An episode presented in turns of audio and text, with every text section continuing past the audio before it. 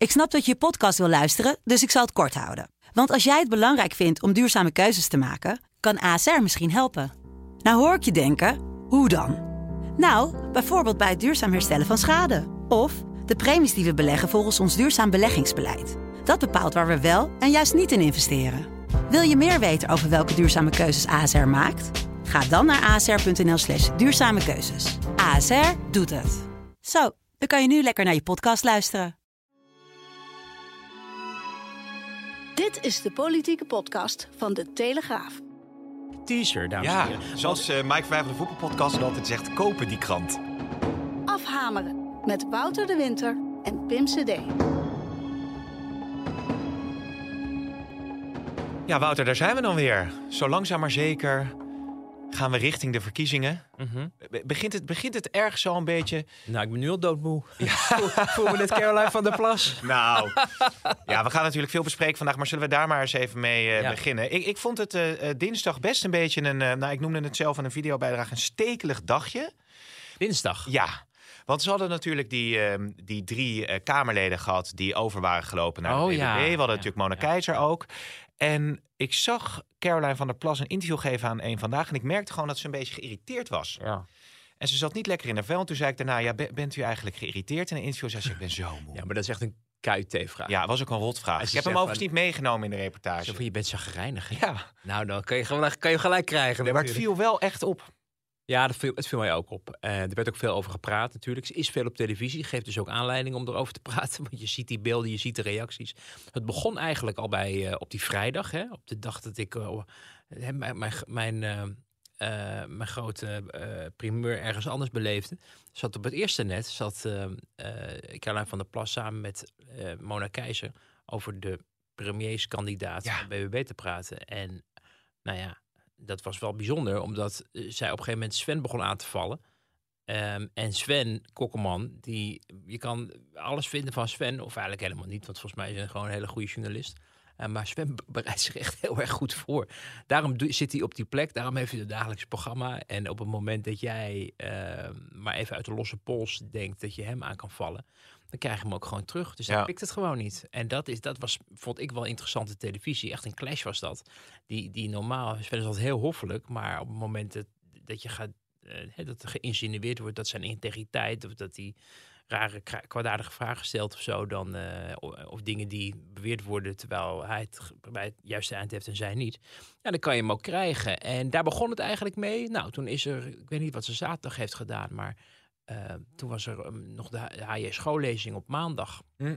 In de ochtend zat ze bij WNL. S'avonds die HJ schoollezing. De volgende dag was er weer een zorgdemonstratie. Daar stond ze weer bij. Jij hebt er gesproken, net als de andere media. S'avonds zat ze bij Umberto. Ja, back home ook nog. Gingen ze geloof ik naar eh, de plek waar ze dan eh, vandaan kwam. Nou, En dat was ook opmerkelijk bij eh, Umberto, als ik je even mag onderbreken. Want daar haalden ze ook uit naar de media. Ja. Eh, want ze zei, ja, Mona is gewoon de nummer twee op de lijst. En als we dan de grootste worden, is ze premierskandidaat. Maar het is geframed door de media als de premierskandidaat. Toen kwamen er allerlei dingen voorbij op social media... dat ook eh, BBB het op die manier had aangekondigd. Nee, zeker. En dat, dat is dus heel, heel, heel merkwaardig. Ehm, eh, eh, maar ik denk dat het, het ene ook wel weer het gevolg is van het andere. Namelijk dat je, dat je te veel van jezelf vraagt. Als je al die dingen allemaal in zo'n kort tijdsbestek plant. ehm, ook omdat ze natuurlijk net bezig zijn geweest met de kandidatenlijst. Het ver- verkiezingsprogramma loopt nog. Nou, je hebt allemaal toch ook mensen moeten screenen. Ehm, ze is de hele dag te twitteren. Eh, dus zij eh, overwerkt zichzelf bijna. En je hoort ook wel, Sinterklaasfilm speelt zijn rolletje in. ja, je hoort ook wel in, die, in, de, in de krochten van die partij dat, eh, dat eh, de modus operandi van haar is dat ze eerst eh, over de lijn moet gaan om dan pas te realiseren dat ze over de lijn is gegaan. Mhm. Dus dat ze eerst inderdaad een beetje te ver moet zijn gegaan in qua werkdruk en dan pas zich laat zeggen van eh, je moet het, eh, ik, ik moet het inderdaad wat rustiger aandoen. Maar ik schrok er wel van toen ze voor een camera dinsdag zei van ja ik ben nu al aan reces toe. Dat klonk als een grapje, maar het was wel vrij serieus. Net als wat, wat, wat ik Ja. net zei trouwens. Maar, ehm, en dan zie je dus, dan worden mensen kribbig en dan worden ze minder verstandig. En dan gaan ze, eh, dat wordt, en dat zie je de laatste tijd vaker gebeuren. Dan krijgt de, de, de- ja, de boodschapper de schuld, de journalist de schuld, die een vraag stelt. En die krijgt dan de, de volle laag. Dat is meestal ook een, een teken van ik heb geen antwoord, dus ik doe gewoon alsof het niet aan mij ligt, maar aan een ander. Het is een besmettelijk virus wat, ze, wat rondwaart in Den Haag eh, deze dagen. Ik zag Mona Keizer het eigenlijk ook al doen. Ook in die uitzending eh, met Sven Kokkelman en Thijs van den Brink. Dat er een vraag werd gesteld aan, ha- aan haar. En dat ze zei, nou dat weet ik allemaal niet wat daarover in het verkiezingsprogramma staat. Maar, ik, maar ik, als je me iets over de ouderenzorg wil vragen, dan mag het wel. Mevrouw wil premier worden. Ja. Mogen we alsjeblieft? Dus, dus dat is natuurlijk heel vreemd. En, Maar- en, en dat is dat. En, met, met Caroline van der Plas merk je wel van. Ja, ik, ik, ik, ik kan niet anders dan het toch echt verklaren door beginnende eh, signalen van eh, vermoeidheid. Of misschien wel niet eens eh, beginnende, maar vergevorderde. Eh, en dat moet je niet doen, want je moet nog 2,5 maand. Ja, ja, we hadden het trouwens in Afhamer al eerder over. Hè, dat eh, al- het kon niet op natuurlijk, grootste met de provinciale statenverkiezingen. Maar goed, op het moment eh, dat je een partij aan het opbouwen bent, dan kunnen er altijd eh, problemen ontstaan. Ehm, ik, wil, ik wilde nog even een fragmentje laten horen, want het was dinsdag sowieso ook wel interessant. Omdat natuurlijk Eertmans eigenlijk ehm, ja, met de gebakken peren zat. Want Ja. die zag in één keer eh, twee Kamerleden weglopen. En daar had ik het volgende gesprek over met Van der Plas. En toen belde ik daarna nog even met Eertmans. Heeft u de heer Eertmans eigenlijk gesproken? Ik heb Joost nog niet gesproken. En de heer Wilders? Ook nog niet. Hoe Nee. denkt u dat zij zullen reageren op het feit dat eh, Kamerleden naar uw partij zijn overgestapt? Ja, ik denk en hoop dat ze ons veel succes wensen. Ja. Dat zou ik andersom wel doen, namelijk. Ja, Ja, maar goed, Eertmans eh, die, die zit eh, in zijn eentje nu daar. ja. Dat is wel een beetje een hard gelach. Hè, als u het, ja. ja, is het ook. Dat snap ik heel goed. Ik zou ook balen als ik hem was. Maar dacht u niet van, dan moet ik hem misschien even op de hoogte stellen of zo... om toch aan te kondigen dat, eh, dat hij per direct Kamerleden verliest? Nee, dat hebben we aan Nicky en Dirk-Jan overgelaten. Ik had een belletje van eh, Caroline wel op prijs gesteld. Ehm, dit, dit, dit, kijk, dit zijn ook, het gaat hier ook over mensen, over medewerkers. Eh, kijk, alles kan in de politiek. Hè. Ik ben ervaren genoeg om dat te be- begrijpen. Ehm, ik vind overigens dat dit ja 21 zetels zijn. Die zijn van ons, die zijn verkozen door mensen die op ja 21 hebben gestemd. Ja, ik vond, zo- van de Hij aantal... is zelf ook wel ervaren trouwens in. Nou eh, ja, dat werd natuurlijk ook vaak gezegd. Hij is natuurlijk ook eh, een, een, vaak overgestapt eh, van partij. Maar ik vond het om meerdere redenen interessant. Ik dacht van, heeft Caroline van der Plas het nou ook een beetje onderschat misschien? Dat ze dacht van, nou ja, goed, het, is, het komt allemaal goed uit. Ze zei daarvoor in het interview nog, ja, het is toch heerlijk. Ach, ik heb nu eindelijk, ik kan mijn agenda wat vrijer maken. Want ik Ja. heb in één keer eh, een, clubje van vier. Nou, daar merken we nog niet veel van. En bovendien heeft ze zelf eh, eerder gezegd dat ze tegen zetelroof was. Zie jij het als zetelroof? Ja, tuurlijk. Het Ja. zijn, het zijn ja 21 zetels en een PVV-zetel. Hoe je het ook bent of verkeerd. Je had ook kunnen zeggen, we hebben er zoveel vertrouwen in dat het goed gaat komen. Wij geven onze zetel terug aan de partij. En we gaan drie maanden, trouwens, volgens mij krijg je dan ook nog wachtgeld. Maar eh, drie maanden even rustig aan doen voordat we gekozen worden eh, op de lijst van de BBB. En dan eh, gaan we er in, volle vaart voor. Maar goed, men wil toch de aandacht, de attentie, de, de spotlights van Den Haag, zolang het Kamergebouw nog functioneert richting de verkiezingen, kennelijk houden. En misschien ook nog andere redenen. Maar nou ja, we hebben vorige week natuurlijk al vastgesteld dat eh, nieuwe partijen, dat dat altijd van ouw gaat. En dat dat soms anders gaat dan je gewend bent, omdat er geen goede partijstructuur zit, geen goede partijhistorie, screening. eh, allerlei zaken die, die, die je gewend bent dat het bij het VVD en CDA en ook PvdA vroeger wel goed geregeld waren. Maar bij een nieuwe partij ja, ook vaak de eerste keer zijn, onontgonnen terrein. Dus dat je dat een beetje met een korrel zout moet nemen. Van als daar mensen vertrekken uit boosheid en dan een boos tweet, tweetje gaan sturen van eh, ik ben teleurgesteld en eh, ik had allemaal eh, dit en dat verwacht.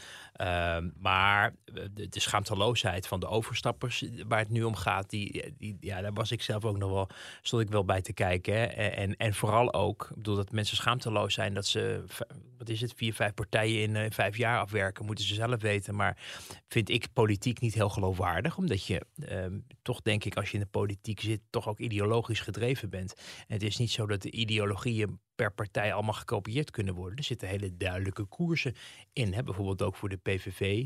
Ja, 21 zat ook op een bepaald spoor. FVD komen veel mensen ook Mm. vandaan. Daar, eh, met Thierry Baudet, nou die is echt niet, eh, heeft die radicale afslag echt niet gisteren genomen. Dus heel veel mensen hebben dat al die tijd aangekeken. Waarom? Dat ze dachten, ik kan de Kamer in, eh, dit wordt een machtige partij. En nou ja, dan ben ik eindelijk eens aan de beurt. Dus ik vind daar een grote mate van opportunisme eh, in schuilen. En ik vind ook dat daarom Caroline van der Plas. ehm, ik, ik snap dat ze in dat hoekje zit, want daar komen ze allemaal vandaan, hè, het hoekje. Het hoekje daar in de kamer. Dat, Ja. zit, dat zit allemaal om elkaar heen, al die, Ja. eh, die, anderhal, die twee ja, jaar. ja. En eh, oh, aardige vrouw, aardige meneer. Nou, hup, kom erbij, gezellig, goed Kamerlid. En inderdaad, weet je, eh Lilian Helder stelt goede vragen over, over justitie. Hartstikke goed. Maar ze heeft wel een x aantal jaren gewoon met alles wat de PVV eh, vond, ook meegestemd, eh gesupport. eh, en ehm, ehm, dat is uitgesproken, dat mag. Want ook eh, hè, die, die mensen die op de PVV stemmen verdienen ook een goede volksvertegenwoordiging. Alleen eh, het gemak waarmee er nu van partij wordt geswitcht en dat we daar dan vooral geen vragen over mogen stellen. Nee. Dat het een beetje gek is eh, om, om de ene dag voor de ene te zijn en de andere dag voor de Ja, andere. dat- Ja, dat is wel heel ja. wonderlijk natuurlijk. Wordt natuurlijk wel gezegd van, van zijn die zetels nou van de partij of van, van, de, van, van het Kamerlid? Want er wordt natuurlijk ook op, op een Kamerlid gestemd. Dat is waar. Het is, het is zo, er bestaan inderdaad geen fracties. Dat is zo. Maar goed, haar, haar, zij heeft eerder zich uitgesproken tegen zetelroof. Dus dat is dan wonderlijk dat dat nu wel gebeurt. Eh, maar goed, opportunisme hoort ook een beetje bij de politiek. Alleen, ehm, eh, je hebt nog... eh, en dat was net als diezelfde discussie met Tilmans en het wachtgeld. En, en eh, het feit dat iets mag en kan, betekent toch niet dat je daarmee je geloofwaardigheid heel Ja. erg veel versterkt. Ik denk zelfs dat het wat minder is. En ik, ik vraag me ook serieus af, maar dan komen we weer bij het punt van nieuwe partijen. eh hè, dan gaat het allemaal een beetje van oude af en toe. Maar ik vraag me af of de mensen die we nu in die top 5 zien, of de top, niet top 5, eigenlijk top 10. Hè, want ik geloof dat Pauw van Wijn nog best wel op 8 staat, geloof ik, in mijn hoofd, 9. Ehm, maar of die mensen allemaal ideologisch met elkaar door één deur kunnen op het moment dat er echt keuzes gemaakt moeten worden. En dan kan je op medisch-ethische kwesties zeggen, daar is iedereen vrij. Nou, dat geldt eigenlijk ook wel voor veel andere partijen. Hè? Dat, eh, dat je dat gewoon voor jezelf moet uitmaken en niet per se een fractiestandpunt hoeft in te nemen.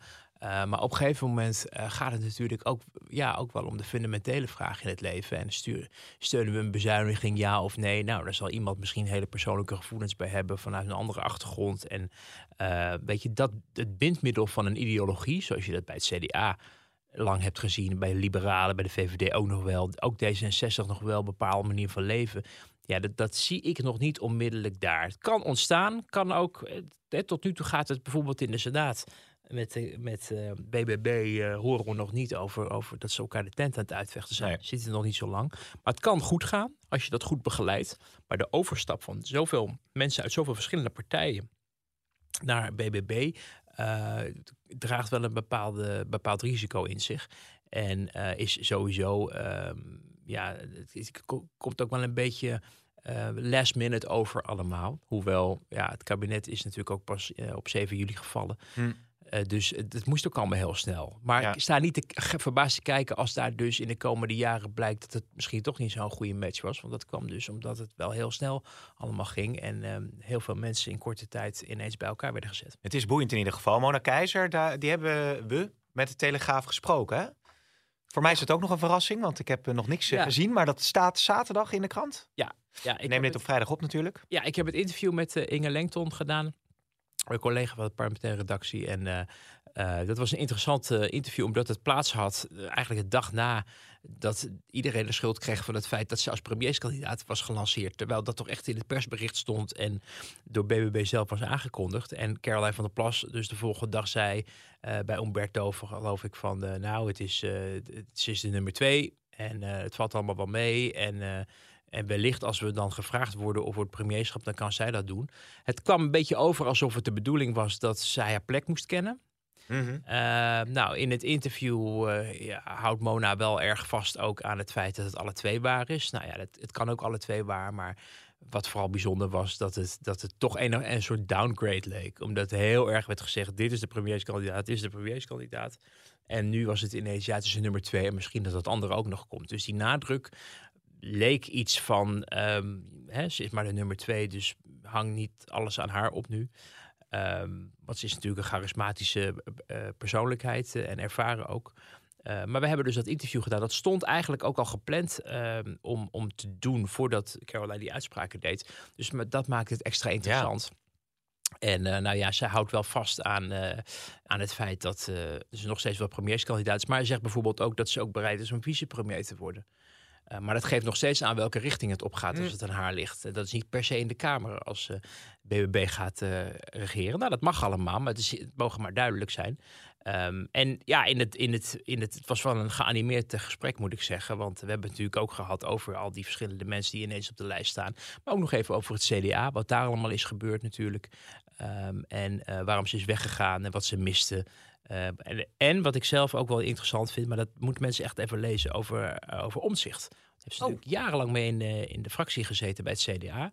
Heeft ze ook op gestemd natuurlijk. En Ja. zij laat nu wel, geeft nu wel aan dat BBB een andere partij is eh, dan, eh, ehm, dan NSC. En ook wel waarom ze dat vindt. En waarom ze zich dus wel thuis voelt bij BBB en eh, niet zozeer bij, eh, bij NSC. Teaser, dames en Ja, heren. zoals eh Mike van de voetbalpodcast altijd zegt, kopen die krant. Kopen die krant. Nou, maar dat is ook wel waar, want ik, ik hoor echt, en dat is ontzettend leuk natuurlijk, ontzettend veel luisteraars eh, eh, die, die je aanspreken, die zeggen, ik luister al naar afhaan. Maar het zijn ook, ook niet altijd mensen die abonnees zijn van de Telegraaf. En dan denk ik, je misgunt jezelf zoveel als je niet ziet wat er Ja, de hele nou. week in die krant en op de site gebeurt. Zo is het. Premium. Ja, Want daar zijn we ook de hele week aan het feest vieren. Ja. En ik zou zeggen, eh, gun het jezelf. Want het, het is echt de moeite waard. En eh, nou ja, dan, dan ehm, ehm, daar steek je ook nog wat van op. Af en zo is het. Zo of je is moet het. erom kunnen lachen. Dat was altijd een go- een gouden regel toen ik nog bij BNR werkte. Ja. Van, eh, ik geloof dat die Bas Bovenberg heette, die, die collega, als ik het goed herinner. Die zei dan, ja, het het go- goed item was, je moet er wat van op kunnen steken of je moet erom kunnen lachen. ja. Op zich geen En interessant. waar valt het meeste lachen, Wouter? Bij RTL 4, bij, bij SBS of bij Op 1? ja, dat is wel duidelijk, want we moeten toch nog even benoemen. Ja, Ja, ik heb het net komt even- niks uit het plafond eh, Nee, nee. hangen. Hartje, wist jij dat al? Ik Zag heb- je al hangen? Nou, ik heb het dus net even subtiel geteased, eh, inderdaad. Maar ik zat dus inderdaad, te- terwijl Sven Kokkelman met Caroline van der Plas aan het ruzie maken was op één. Eh trouwens, dat zeg ik niet vleien, Nee, omgekeerd. Maar ik zat op kanaal 6 en ehm, eh, ja, daar hadden we het vorige week natuurlijk al even in tease over. Maar het was, ja, het was, het was wel heel erg grappig. Ja, maar wist jij nou al Nee, dat die natuurlijk knuffel niet. op het plafond zat? Want ik, Ik denk, dacht- jij bent altijd zo gewiekt. Jij, maar- hebt al, al, je omgeving afgetast Mhm. daar. Ik zat ook echt, ik zat op die tafel te kijken. ik denk, Johan, ik denk, heeft even René iets daar liggen? Wat heeft die Wilfred daar op bij zijn tafeltje? Ehm, dus daar zat ik een beetje naar, naar te loeren, maar ik, ik kon het niet, niet zien. En ineens, vlak voor de reclame, kwam eh, eh, dat attribuut naar beneden. En eh, ja, dat, ik moest, je ziet mij ook echt spontaan reageren, want ik, ik wist het echt niet. En ik vond het daarom ook wel grappig. Ze hebben vervolgens wel bij mij op tafel gelegd, ehm, dat grote attribuut. Ja. Ehm, en nou ja, die heb ik wel even, toen ze even weer met Ben van den Burg een exercitie hadden, heb ik dat ding snel van tafel gegist en, en op de grond gelegd. Want ik denk, anders zit je gewoon een Ja. kwartier lang met het ding voor je Ja. neus. En dat heeft Rutte destijds, toen hij daar zat, ja, ik wil me daar zeker niet mee ver- vergeleken. vergelijken Nee, die had natuurlijk een, een, helm met een, eh, nou ja, ook een ander attribuut erop ja, een ander attribuut. En, Ja. ik, en ik had me daardoor wel laten inspireren. Ik denk, Rutte heeft het toen heel handig uit beeld geschoven. En toen dacht ik, oh, dat kan ook. Dus ik heb dat ding snel op de grond gegooid. Dus je moet toch, je, je moet, je moet daar, eh, wat betreft de beeldvorming, met name ook op je hoede zijn. Op één natuurlijk weer een totaal eh, andere dynamiek die je daar dan... eh, Ja, en, en weet je, ik, hè, er werd natuurlijk ook gevraagd, waarom ga je er zitten? Nou, ik ga er niet elke dag zitten, maar er kijken ontzettend veel mensen naar. Ik zag vandaag de kijkcijfers meer dan een miljoen. Mm. Ehm, nou, die, die komen niet per se voor de gast, maar vooral voor de heren natuurlijk die aan tafel zitten. Maar er wordt ook gewoon over de dingen gesproken die, die ook mensen in het land bezighouden. En dat is vaak ook politiek, zeker richting de Ja. verkiezingen. En eh, wat nou eenmaal zo is, dat een heleboel mensen niet de hele dag buitenhof zitten te binge-watchen. Of op één. Weet je, die willen gewoon vermaakt worden. En die willen af en toe ook iets meekrijgen van wat speelt er nou. Eh, en enige duiding daar ook bij krijgen en uitleg. Maar het is ook niet zo dat ze het volhouden om een uur highbrow eh, tv Nee, te kijken. nee. Dus als je dat een beetje kan combineren met elkaar. Ik denk ook dat het heel goed is voor een, voor een, eh, voor een eh, medialandschap. Dat er verschillende keuzemogelijkheden zijn voor verschillende groepen mensen. Het hoeft geen eenheidsworst te Nee. zijn. En, en als het bovendien met trouwens met uitgesteld kijken nu, dat heel veel mensen dan iets voorbij zien komen wat op een ander net is gebeurd, dan gaan ze nog terugkijken. En ja, dus ik denk dat het goed is. En ja, er wordt inderdaad meer gelachen eh, bij eh, eh, iets meer, op- iets op meer. kanaal 6. en op kanaal 4 is het wat meer entertainment. En op Ja. kanaal 1 is het, is het wat serieuzer. Is dat, over Brigitte Bardot ging het gisteren. Oh. En, En toen dacht ik ook even van, oké, dat had ik zelf nooit naar, naar gekeken Nee, als, ik, als, nee. ik, als ik niet daar zat. Maar ja, nu moest ik Bij RTL zat je achter Glennis Grace en nu gaat het over Brigitte Bardot. Maar genoeg daarover, in ieder geval. Eh, Pieter Omtzigt is natuurlijk zo ook interessant om even op door te gaan. Ik, ik dacht het al toen, we, toen hij zeg maar, eh, zijn partij lanceerde... en toen er ook een soort van open oproep kwam... dacht ik, oh, wat gaat er gebeuren? En het is natuurlijk ook gebeurd. Er zijn meer dan 2000 ruim sollicitaties binnengekomen. 2400 Ja. zelfs. hè? Ja. Ik zeg het voorzichtig. ja, ga er maar aan staan. Hoe, hoe, hoe dan, denk ik? Nou, eh, hij heeft wel goede mensen om zich heen. Maar ik moet je, en dat is een beetje in het verlengde wat we net over Caroline ook bespraken. Ik had daar ook wel een beetje een idee van, van eh, pas op, pas op. En, en ehm, je mag tegenwoordig al helemaal niet meer een, een, een referentie eigenlijk maken aan de tijd dat hij overspannen was. Dan ben je al eh, ongeveer de duivel of zo.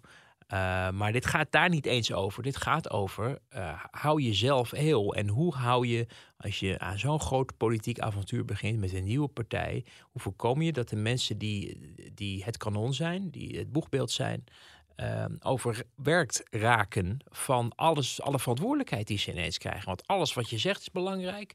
Je moet wat vinden, je moet leiding geven. En je moet in het geval van omzicht, denk ik ook. Uh, ik, bedoel, ik denk wel dat er een schifting gemaakt wordt voor hem. Maar hij zal zelf ook zich moeten verdiepen in wie er bij hem zich wil aansluiten. En wie er op de lijsten komt te staan. Um, nou, dat is, een, dat, is, dat is echt heel pittig. En er zit maar uh, 24 uur in een dag. Uh, maar hij moet tegelijk ook allerlei andere dingen doen. En wat, dat doet hij dus ook. En vooral dat laatste vond ik, uh, vond ik een beetje risicovol. Want ik zag hem ook alweer een vraag stellen uh, bij de interruptiemicrofoon. Volgens mij was het vragenuurtje.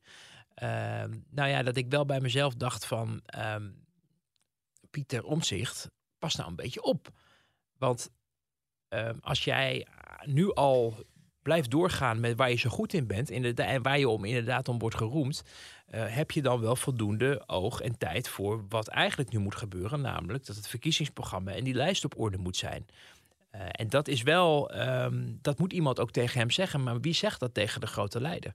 Ja, Nicolien heeft... van Vroonhoven denk ik dan, hè? die schijnt heel... Die schijnt wel pittig te zijn en af en toe wel in te grijpen. Maar hij moet het natuurlijk ook een beetje zelf tot zich nemen. Dat ik bedoel, het zijn interessante vragen hoor. En had bijvoorbeeld ook die accijnsstijging die vanaf 1 januari al staat te wachten bij de pomp. natuurlijk goed gesignaleerd. En het was dan mooi in het reces. Dat deed hij trouwens al toen hij bij het CDA was. Dat hij het reces altijd aangreep om, om, om dingen te lanceren. Omdat hij wist, dan is het journalistiek rustig. Dan kan ik um, dingen aan de orde stellen. En dan is, um, ja, sta ik zo in de krant of ben ik op televisie en zo. Nou, dat is op zich klassiek hoe een Kamerlid uh, zichzelf in de kijker kan, uh, kan, kan spelen. Maar ik dacht wel bij mezelf, had jij niks anders te doen de afgelopen ja. tijd toen je dus, bezig dus was met opzetten?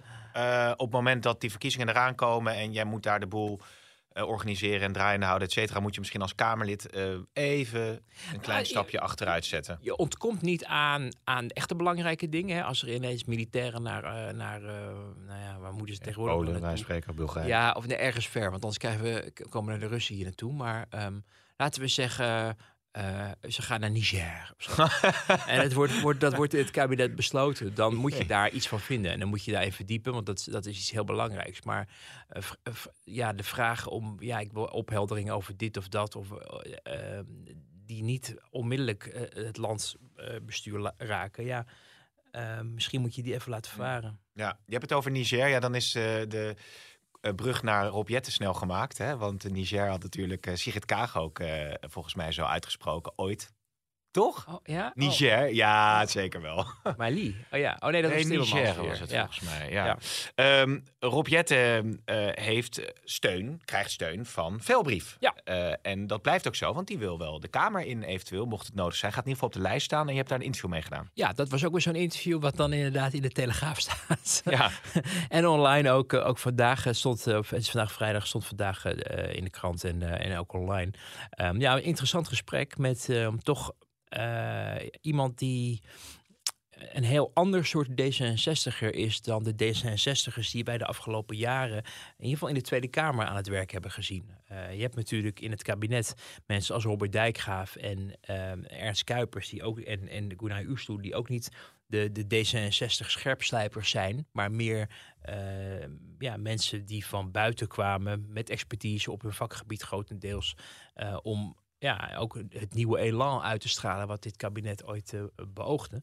Uh, maar Hans Veilbrief loopt al heel erg lang mee. Ook achter de schermen bij D66 heeft ook al eerder verkiezingsprogramma geschreven. Uh, is oud thesaurier-generaal geweest. Ook hoge baan in Europa gehad. Topambtenaar op EZ. Nu is hij staatssecretaris. Hij was in de race om minister van Financiën te worden. Als Kaag eurocommissaris zou worden. Dat was ook bijna gebeurd. Uh, dus dit is echt, dit is echt een kanon. maar wel een kanon dat, dat zich dat, dat niet, um, uh, dat een beetje wordt, ja, in, nou, ik wil niet zeggen in een schuur staat, maar hij, hij staat wel enigszins in de achterhoede om af en toe een keer te bulderen. Dat, dat bevalt hem wel, hè, die positie. Ja, het idee. ja, ja, hij vindt ook, hij zegt ook van ik ben een oude man en zo. Nou, dat, dat een vriend van hem zei van nou, dat mag je echt niet meer zeggen, want we zijn even oud en ik voel me helemaal niet oud. Ja. Dat heel grappig verteld gisteren, maar, uh, of eergisteren, gisteren toen ik het interview had. Maar um, ja, je, je merkt wel dat hij is een D66er die uh, nou, niet per se in de school van Pechtold, omdat Pechtold en hij geloof ik niet zo goed met elkaar gingen. Ik geloof dat hij al veel eerder politieke ambitie had, maar dat Pechtold hem een beetje op afstand hield, omdat het anders misschien uh, een concurrent zou kunnen worden. Een um, beetje, beetje Hans Weijers-achtige figuur. Oh ja. Ja. Um, dus wel iemand die heel duidelijk vrijzinnig in het leven staat, uh, maar bijvoorbeeld liberaal wel, uh, wel echt ook over economie denkt. Um, en um, nou ja, dat, dat is een heel interessante figuur. En er werd ook achter de schermen ook wel eens gedacht, terwijl de dingen aan het ontsporen waren bij D66, uh, met provocaties en scherp aan de windzeilen van Kamerleden. Of, of nou ja, de manier waarop Sigrid Kaag de partij aanvoerde. Wat natuurlijk ook niet echt een succes is geweest uiteindelijk. Nadat ze eenmaal de zetels had binnengehaald. Um, dat hij degene was die, nou ja, waar de ratio zat. Die af en toe ook wel zoiets had van ja, we moeten. Um, um, we, we, moeten ook wel even opletten dat we mensen ook niet kwijtraken. En we moeten ook niet te radicaal wellicht worden ja. in onze uitingen. En in dat interview zegt hij dus ook heel duidelijk van ja, um, het, soms moet je de kattenbel aanbieden als het gaat over bijvoorbeeld klimaat. Want nu is toch het hele land best wel met klimaat bezig. En dat was vroeger niet. En dat komt omdat je op een gegeven moment ook scherpe, uh, ja, scherpe uitspraken moet doen. Hè, moet drammen wellicht. Ja. Uh, maar als het om stikstof gaat, geeft hij wel heel duidelijk aan dat dat... Uh, ja, dat ze daar totaal eigenlijk gefaald hebben. Omdat de mensen om wie het ging, dat, ja, die totaal uit beeld bleven. Waardoor die mensen zo boos en, en wanhopig werden dat ze brandende strobalen op de stelweg gingen. Ja, dat is eigenlijk interessant. Dus wat hij in Groningen juist probeert te doen, namelijk dicht op de mensen de problematiek oplossen, is met stikstof totaal anders gegaan. Ja. Dat je natuurlijk Tjeerd de Groot als Kamerlid die stevige tekst, teksten bezigde. Ja. Maar het contact met de mensen waar het om ging, ja, dat was er eigenlijk in ieder geval niet genoeg, want nee. daardoor kon ook de BBB tot grote hoogte stijgen. Ja, natuurlijk. Hij, hij, zegt echt, er is echt wat, daar is echt wat fout, dat is echt fout gegaan. Um, en inderdaad, hij heeft die gesprekken gehad met, met veel Groningers, ook nog recent. Uh, uh, hij was de, de woensdag, afgelopen woensdag was hij nog in Groningen. Sprak je ook weer met, met een echtpaar die een bakkerij hadden in 2013.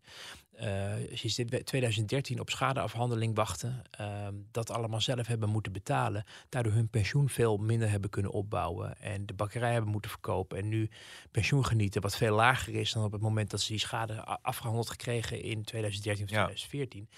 En hij zit daar en hij, hij vertegenwoordigt die overheid. En hij denkt, ja, dat is eigenlijk dus hè, figuurlijk mijn schuld. En hadden we daar maar wat aan kunnen doen. Dat geldt dus niet alleen voor die mensen in die bakkerij, maar voor een heleboel mensen daar. Dat, dat schuldgevoel, maar ook de, de wanhoop, de, de, machteloosheid van die mensen die inderdaad niet in Amsterdam zijn grachtengolden uh, wonen of op, uh, uh, op, op, op het Lange Voorhout, maar, maar mensen die ver weg van de residentie hun huis hebben en hun leven leiden. ja, dat, dat doet wel, wel met hem. En, en je kan niet alles met elkaar vergelijken, maar de manier waarop mensen zich in de steek gelaten voelen door hun eigen overheid. En ook zien hoe er over hen gesproken is al die jaren en hoe ze behandeld zijn. Daar zie je natuurlijk wel parallellen. Ook met de manier waarop uh, nu bijvoorbeeld rond stikstof ook maar van alles werd geroepen. Ook door zijn eigen partij met het halveren van de veestapel. Ja. Uh, zonder dat iemand eigenlijk precies wist hoe en wat en wie. En ja, wanneer en krijg je daar geld voor of niet. Maar wel alvast horen van ja, je bent nu met je boerenbedrijf bezig. Maar als wij het voor het zeggen krijgen, dan is het binnen een half jaar afgelopen. Zo'n gevoel opbouwend, zonder dat je daar als burger je nog iets tegenover kon stellen. Ja.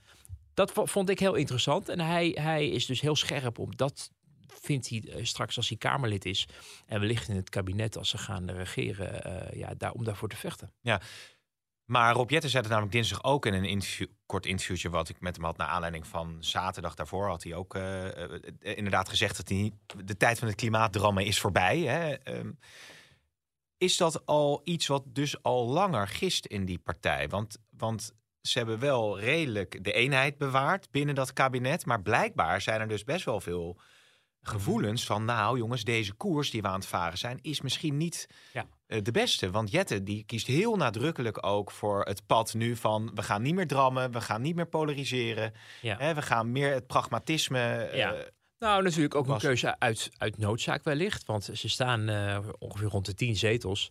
Dus de Ja. hele, hele Pechtold-erfenis is, eh, is naar de galamiezen. Voorwaar een prestatie, naar, eh, het, na anderhalf jaar regeren. Ehm, maar het succes van Pechtold was toch, toch wel meer op de redelijkheid. Wel ook heel duidelijk van besluiten nemen, hervormen. Dat was de, de koers die ook met Koolmees en hij aan het varen waren in de oppositie.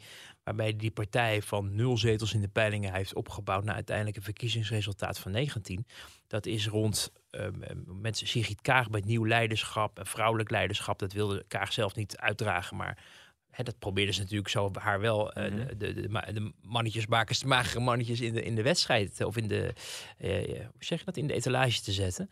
Eh, maar goed, dat bleek een, een, een, ja, een, eh, een, een ballon die is doorgeprikt. En ehm, eh, je merkte op de achtergrond wel dat mensen dachten, ja, maar ze heeft wel 24 zetels gehaald. En dat is een evenaring, geloof ik, van wat Hans Vermeulen ooit heeft Ja. gehaald. Dus dat is zo vaker met de politieke partijen. Zolang het goed blijft gaan, houden mensen zich koest. Bij de VVD natuurlijk ook jaren gebeurd.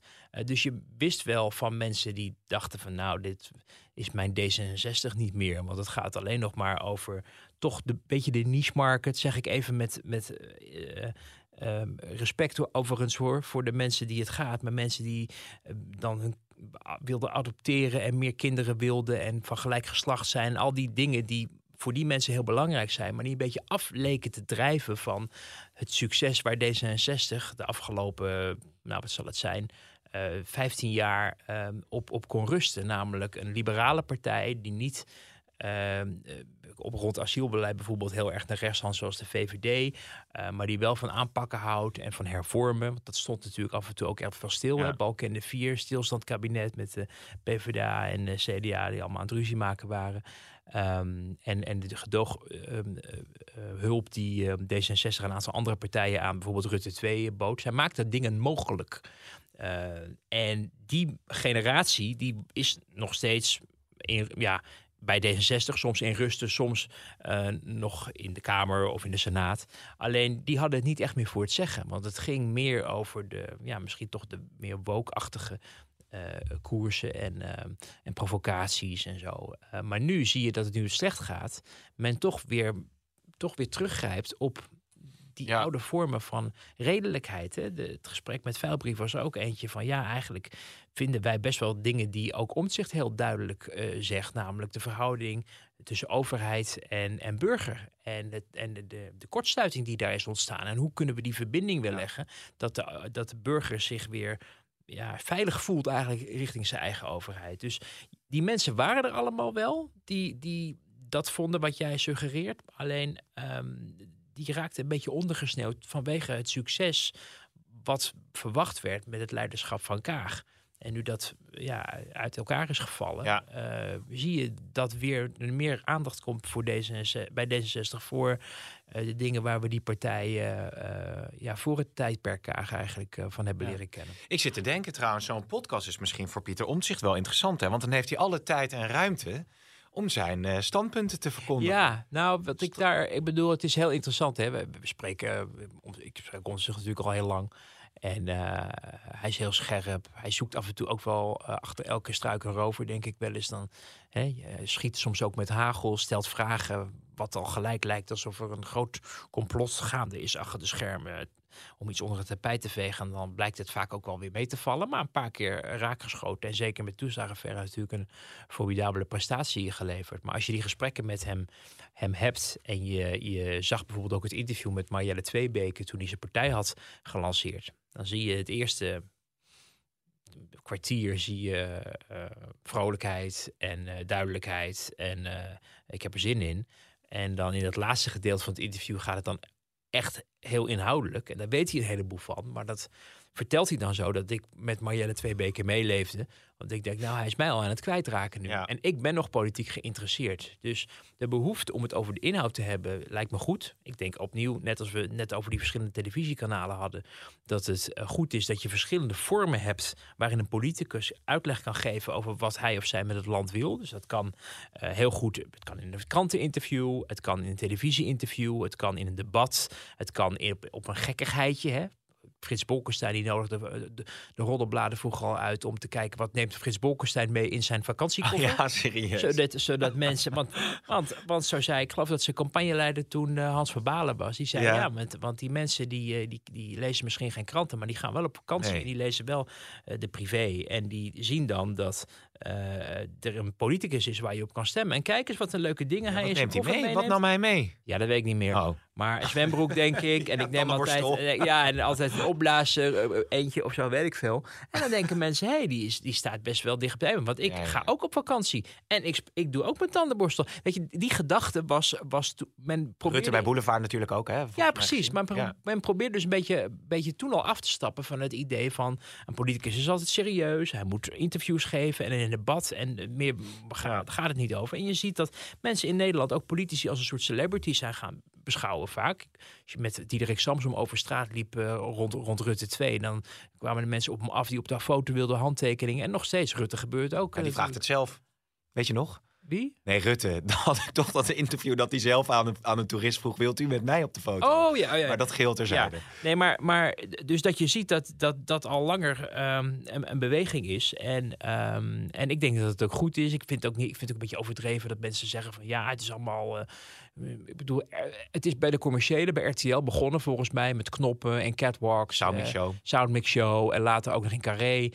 om meer entertainment erin te krijgen. Dat, dat, dat de, de, de, goede intellectuele klasse spreekt daar schande van. Want die zegt ja, en eh, gaat het niet meer over de inhoud. En, en, oh, en je zag het ook, soms was het ook ongemakkelijk en niet alles ging goed.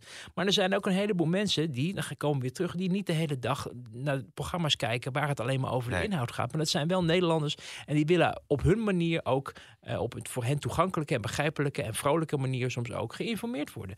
En ik denk dus, die, die prachtige vergezichten van Omzicht. Omzicht eh, drijft nu heel erg op het idee van hij is kapot gemaakt. eh, eh, hij heeft overleefd en nu krijgt hij een kans. Staat niet voor niks aan kop in de peilingen. Natuurlijk ook een hele goede prestatie. Maar ehm, ga hem 50 minuten laten spreken. En ik weet niet of al die mensen die, als ze verplicht zouden zijn, die op hem willen stemmen om 50 minuten naar hem te luisteren, of ze dan ook nog zo geïnspireerd zijn om op hem te stemmen. Dus ik weet niet per se of, of dat. eh, ehm, ja, ik weet niet of het per se kiezen zal vervreemden. Want ik denk als mensen voor zichzelf hebben uitgemaakt, ik ga op om zich stemmen. Want eh, hè, eh, die heeft het verdiend, of de, de, de heersende kasten verdient de schop. Dan, dan is dat logisch. Maar ehm, eh, vergis je niet dat het niet voor niks is dat er eh vehikels zijn in verschillende media om met politici te praten over wat ze willen. En dat is omdat uiteindelijk men merkte dat als je 50 minuten lang één iemand een verhaal laat houden, zoals wij aan het doen zijn, met z'n tweeën dan Ja. weliswaar, dan eh, kan het op een gegeven moment ook best wel slaapverwekkend worden. Ja, nee, precies. en Ehm, je raakt ook, en niet eens slaapverwekkend, maar ook dat je, dat je het niet meer begrijpt. mensen afhaken. Ja. Hè? Dat moet je Ja. niet hebben. Nou, we het, het- tot slot nog even natuurlijk over de lijsten. Nou ja, Velbrich is natuurlijk ook eh, gekoppeld aan de D66-lijst. Je had een primeur over eh, de VVD. Hè? Je had de eerste, Ja. eerste Is het tien. tien? Ja. Ja, een en Maart van der Weijden als lijstduwer. Ja, wat zou dat dan nou? Wat krijg, hoeveel hoeveel, hoeveel stemmen krijgt die man eigenlijk? Die Maart van der Eh, Weijden. ik weet dat niet uit mijn hoofd hoeveel dat Is, is, dat, is, dat, is dat een lijstduwer waarvan je denkt van zo? Ehm, nou, ik, ik word zelf, want ik, hoe vaak die de Elfstedentocht, die heeft volgens mij nu gezwommen, gelopen, gefietst, achteruit gerend. nee, met alle respect, dat hij doet natuurlijk voor een heel goed doel. Eh, maar goed, dus, ja, die is dus traditioneel eigenlijk de lijstduwer van de VVD. Daarom, daarom. Het is een beetje Dat traditie. Ze zijn altijd blij mee, maar in de Kamer zou hij dat niet willen. En eh, ik weet ook niet hoeveel uit mijn hoofd. Van ze, het, Nee. dat we Nou natuurlijk ja. de redactie altijd even uit moeten zoeken voor ons. Maar ja. Eh, maar ehm, ja, die, die, die, die lijst van de VVD is natuurlijk wel, eh, wel bijzonder. Weinig nieuwe binnenkomers, zeker niet hoog op de lijst. Dat was vroeger wel anders. Hè, met mensen als Ayani Hirsi Ali, eh Fred Teven, Arthur Dokters van Leeuwen. Die toen, eh, ehm, hè, dat waren echt, echt ook celebrities eh, bijna. eh, ehm, maar dat, daar hebben ze voor gekozen om dat niet te doen. Ze varen op, op ervaring, wordt het dan gezegd. Ehm, nou ja, dat heeft ook te maken met het feit dat de verkiezingen nog niet zo ontzettend lang geleden zijn. En dat zeker ook de bewindspersonen op een gegeven moment is gevraagd om zich te committeren voor vier jaar. En dan na anderhalf jaar houdt het feest op. Dus dat die mensen een plek op de lijst krijgen die dat willen. En ook, dat moet eigenlijk qua fatsoen ook wel eh, in de top 10. Dat verbaast niet heel erg. Ehm, zij worden ook op de lijst gezet, niet zozeer vanwege hun prestaties of, of hun uitdragen van hun VVD-koers, maar meer eh, omdat ze zich eh, bereid hebben getoond om het land te dienen in het kabinet. Ehm, zo is het mij verteld. Ehm, dus dat verklaarde bijvoorbeeld ook dat Aukje de Vries op acht kwam. Want Hm. Aukje de Vries stond niet heel erg succesvol aangeschreven de afgelopen anderhalf jaar. Ehm, en dan toch op nummer acht. Terwijl er Kamerleden zijn die denk ik wel het idee hebben dat zij meer in hun mars hebben en hebben laten zien ook. Eh, maar goed, dat, dat heeft dan altijd meer met gevoeligheden te maken. Eh, en wat natuurlijk opvalt, eh, eh, ja, zeven vrouwen van de, van de tien, dertien van de twintig.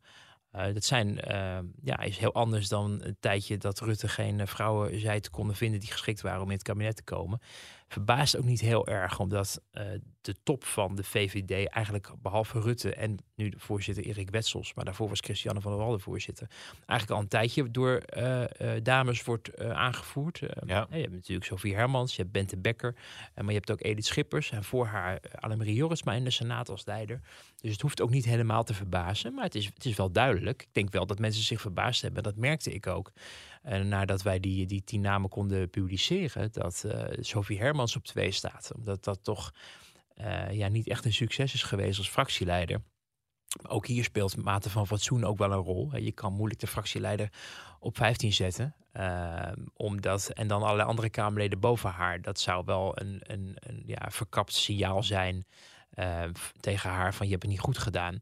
En dat vinden mensen uiteindelijk ook wel in de partij dat het beter had gekund. Maar er zijn weinig mensen die denken dat ze er niet de best voor heeft gedaan. Ze heeft het natuurlijk al overheen gehad.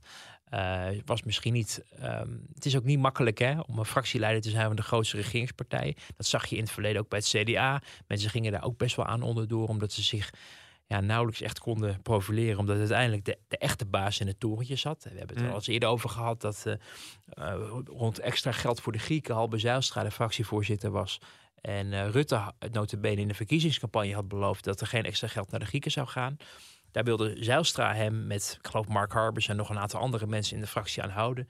En toen heeft Rutte min of meer het machtswoord gesproken van uh, als jullie dat niet doen, dan valt het kabinet of zo. En uh, toen gingen de mensen dus niet mee met hun eigen fractievoorzitter, ja. maar met Mark Rutte, aan wie ze hun zetel te danken hadden, want die was de lijsttrekker immers geweest. Uh, dus je zit altijd in een lastige positie van, kan ik echt mijn eigen koers varen of word ik niet gecorrigeerd? En wie volgt mij op het moment dat ik iets wil doen en de rest volgt niet. Nou, ik vond de, de band tussen, hè, de, tussen Sophie Hermans en Mark Rutte was ook wel heel erg hecht. Ook vanwege hun gezamenlijke verleden. Uh, ik denk wel dat um, uh, ja, het ook wel voor haar... Het is er gewoon niet op het lijf geschreven om daar te gaan staan met een camera en een vragenvuur tot zich te nemen. Dat, deed, nee. dat doen mensen, hè, dat doet Caroline van der Plas doet het een stuk ontspannender. Als ze niet heel moe is. Als ze niet heel moe is. Maar ook Klaas Dijkhoff deed dat op zijn manier. En, en ik heb wel eens gedacht, weet je, maak haar dan minister van onderwijs, voor onderwijs op het moment dat Dennis Wiersma wegstapt. Maar goed, dat zou van fractievoorzitter naar minister voor onderwijs in demissionaire uh, staat uh, ook wel een duidelijke uh, demotie zijn. Dus ja. het, het, valt daardoor een beetje te verklaren. Maar ja, wie weet in een volgend kabinet dat ja, ze je hoort wel hè, dat, naar dat een, ze krijgt. Het, het, men zorgt echt wel goed voor haar, maar het is logischer om die prominente post van fractievoorzitter straks door iemand anders te ja. Nou, PvdA GroenLinks tot slot. Um, Sven Kokkelman zei het ook al gisteren trouwens op één. Die, die Hersberg-lezing die komt eraan van Timmermans. Dan, dan moet misschien een beetje ook... Je, je, je kijkt daarnaar uit wel. Hoe hij zich gaat uh, ja, dat was profileren. Vraag, ja. ja. Ja, ik, ik, ja, ik, dacht- gebeurt, ik moet je zeggen, Pim, er gebeurt zoveel natuurlijk nu met al die verschillende partijen. Het is ook niet zo dat één partij per se belangrijker is dan de andere. Eh, hoewel NSC natuurlijk echt eh, een beetje een enigma is. Hè. Je weet niet wat, wat daar gaat gebeuren, wie er op de lijst komt, wat ze willen en hoe groot die aantrekkingskracht blijft. Nu vergeleken met uiteindelijk het stemhokje op 22 november. Eh, dus, dus dan is, heeft weer iemand een grote speech. Hè, net als Caroline van der Plas een grote speech heeft. En, Om zich natuurlijk ook inderdaad met die binnenhoflezing. omzicht. En dan heb je het dan één of twee dagen over. En daarna is er weer wat anders. Hè, want zo gaan campagnes. Uh, dus we zullen zien wat, wat uh, onze nieuwe premier allemaal voor ons in petto heeft. Zei dat zei hij gisteren, geloof ja. ik, te- tegen. Want, want het is. Het, en dat valt mij wel op hoor. Het is, uh, het is wel heel. Het ligt er wel heel erg dik bovenop. dat Frans Timmermans naar Nederland is gekomen om premier te worden. En dat hij daarvoor eerst lijsttrekker moest worden. uh, voor PvdA GroenLinks. uh, of het Verenigd Links, zoals je binnenkort meer zal horen. Ze staan op het stembiljet als GroenLinks PvdA. omdat dat nou eenmaal zo geregistreerd mm -hmm. moest worden.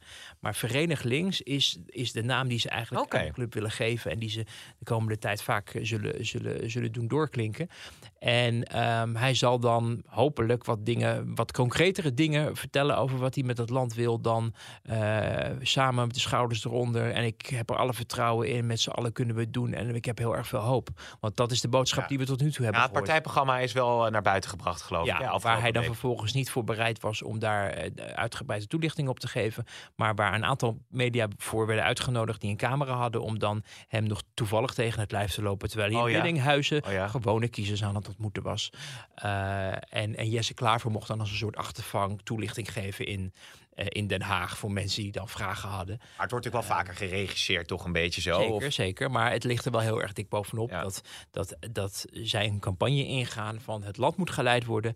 En hij is de ervaren leider en daarom. En dat is niet automatisch Um, hetzelfde als we in de afgelopen jaren hebben gezien. Natuurlijk, Rutte die heeft die kaart gespeeld omdat hij premier was. Hm. Um, maar hij, ik bedoel, Frans Timmermans is geen premier. Uh, maar ze proberen hem wel als zodanig in de markt te zetten eigenlijk al. Vanuit het, het, het, het linkse blok.